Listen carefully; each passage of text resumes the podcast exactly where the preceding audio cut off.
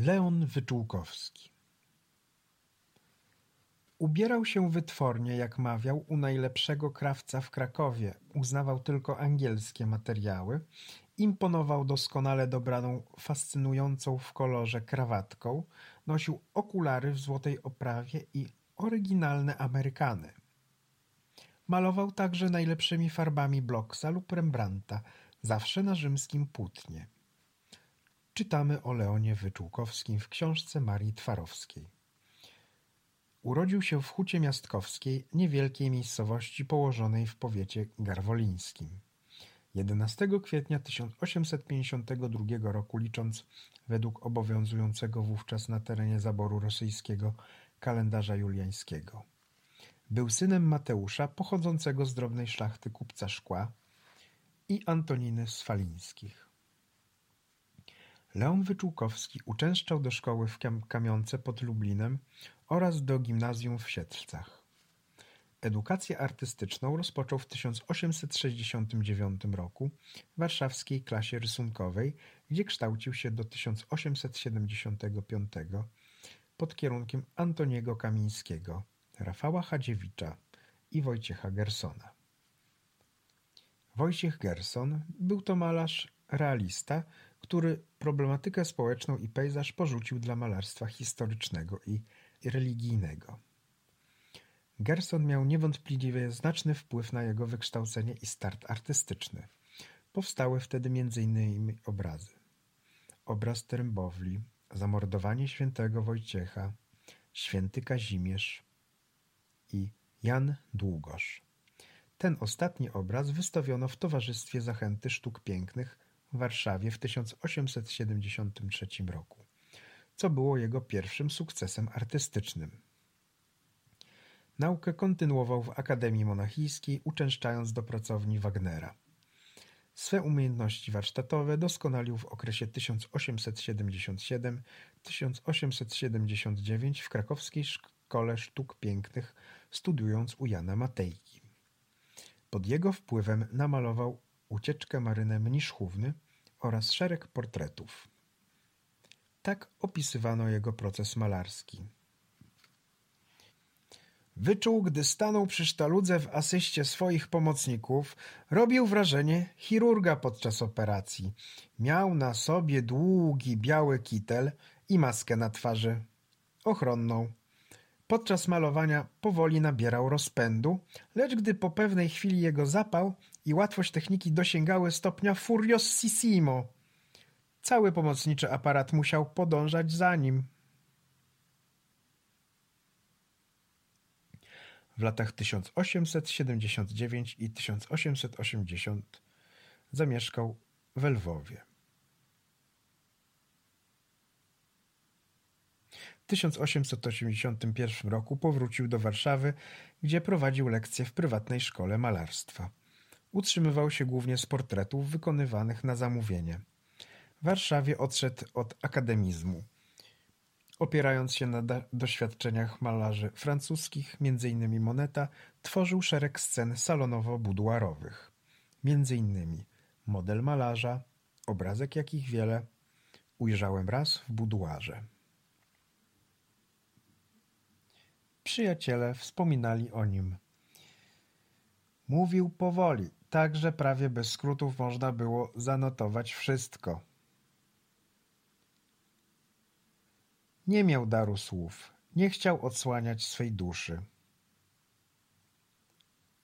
Jednak Leon Wyczółkowski nie skrywał jej jednak do końca, dosadnie wylewał swoje uczucia.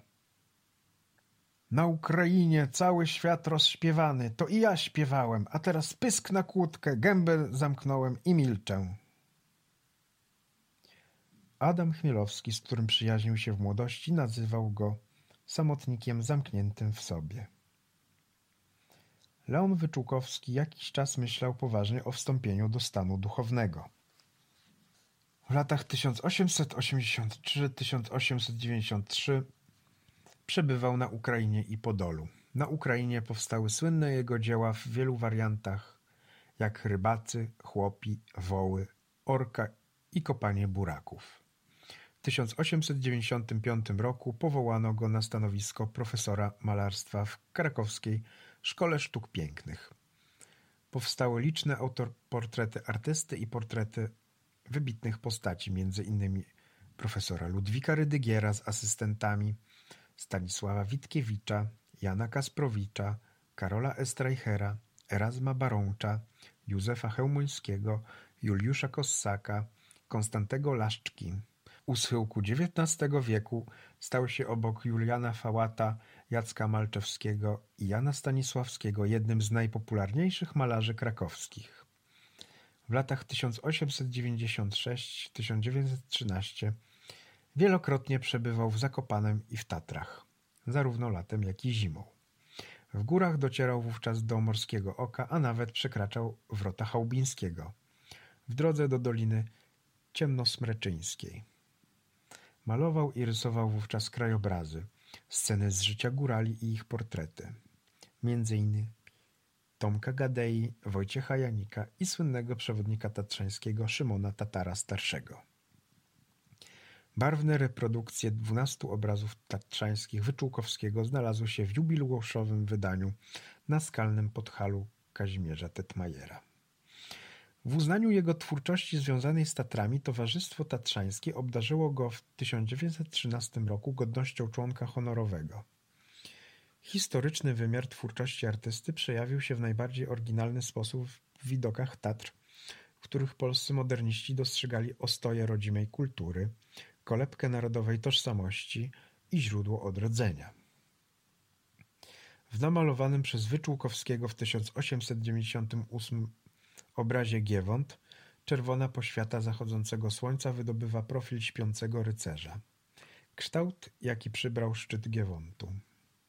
Symboliczny wymiar serii tatrzańskich pasteli z 1904 roku uwypuklał zbiorczy tytuł Legendy tatrzańskie, świadczący o ciągłej obecności w podtekstach artystycznych poczynań, historycznej perspektywy, historycznych kategorii myślenia, które nabrały wyrazistości w kontekście politycznych wydarzeń 1904 roku.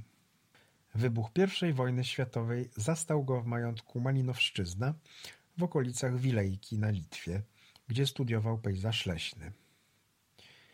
Pospiesznie wrócił do Warszawy, gdzie spędził rok, nie mogąc przedostać się do Krakowa. Malował akwarele i wykonywał litografie z widokami Starego Miasta, takie jak Teka Stara Warszawa. Od 1915 roku przebywał w Krakowie, gdzie związał się z legionami Piłsudskiego. W 1916 roku przebywał w szóstym pułku piechoty w obozie pod Warszawą. Wykonał wtedy cykl wspomnienia z Legionowa. Opisywano go jako człowieka masywnej postury, ale nie tęgiego zdrowia. Wyczółkowski bez umiaru zażywał morskich kąpieli, w których upatrowano panaceum na wiele dolegliwości. Ja już po dziewiątej kąpieli, pisał jednego dnia do swojej frani. Czuję się wyśmienicie, zrzuciłem opaskę i pończochę. Nadzwyczaj dawno nie czułem się tak zdrów jak obecnie. Pojutrze wyślę ci kilka fotografii, które doktor zrobił. Kupiłem ci torebkę. Nie odmawiał sobie jajecznicy, której był wielkim amatorem. Uwielbiał cygara. Nie żałował własnej energii ani materiałów plastycznych. Te ostatnie miał zawsze w pogotowiu. Teodor Grot, malarz i uczeń Wyczółkowskiego z krakowskiej ASP wspominał, że całe stosy pudeł pasteli Lufranka i swego wyrobu gromadził w miejscu, gdzie mieszkał, aby je mieć pod ręką. Malował szybko, sam nie mógł nadążyć w wyszukiwaniu odpowiednich kolorów, które seriami były ułożone. Wyczuł, gdy stanął przy sztaludze w asyście swoich pomocników, robił wrażenie chirurga podczas operacji. Miał na sobie długi, biały kitel i maskę na twarzy ochronną. Podczas malowania powoli nabierał rozpędu, lecz gdy po pewnej chwili jego zapał i łatwość techniki dosięgały stopnia furiosissimo, cały pomocniczy aparat musiał podążać za nim. Sztaluga nieprzerwanie turkotała po szynach. Władek z nastawionym uchem uważał na sygnały, kręcił się rczyście korbą. Frania chwytała w lot żądane numery pasteli i podawała je swojemu profesorowi w powietrzu. Wirowały rzucane krótkie wrazy. Władek, jazda dalej! Frania, dawaj dziesięć i zieloną siedem. Teraz stop, karmin numer dwa. Władek, jazda dalej. Taka zbiorowa praca połączona z jazdą przyciągała się zwykle aż do zmroku bez westchnienia.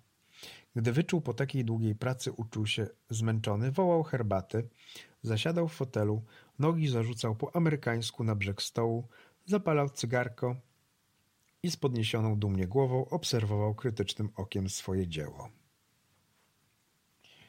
W 1921 roku Leon Wyczółkowski przekazał Muzeum Wielkopolskiemu w Poznaniu pokaźną kolekcję dzieł sztuki i rzemiosła artystycznego liczącą 179 pozycji inwentarzowych. Dywany, makaty, kilimy, wazony, misy, szkła, zabytkowe meble oraz dzieła malarskie i graficzne. Za ofiarowane zbiory Leon Wyczółkowski otrzymał od Ministerstwa byłej dzielnicy pruskiej rekompensatę finansową, za którą zakupił dworek w Gościeradzu koło Bydgoszczy. Gdybym był młodszy, zawiązałbym bractwo grafików, malarzy i badaczy i rozesłałbym ich po kraju, aby zwiedzali Polskę i rysowali i malowali jej piękno.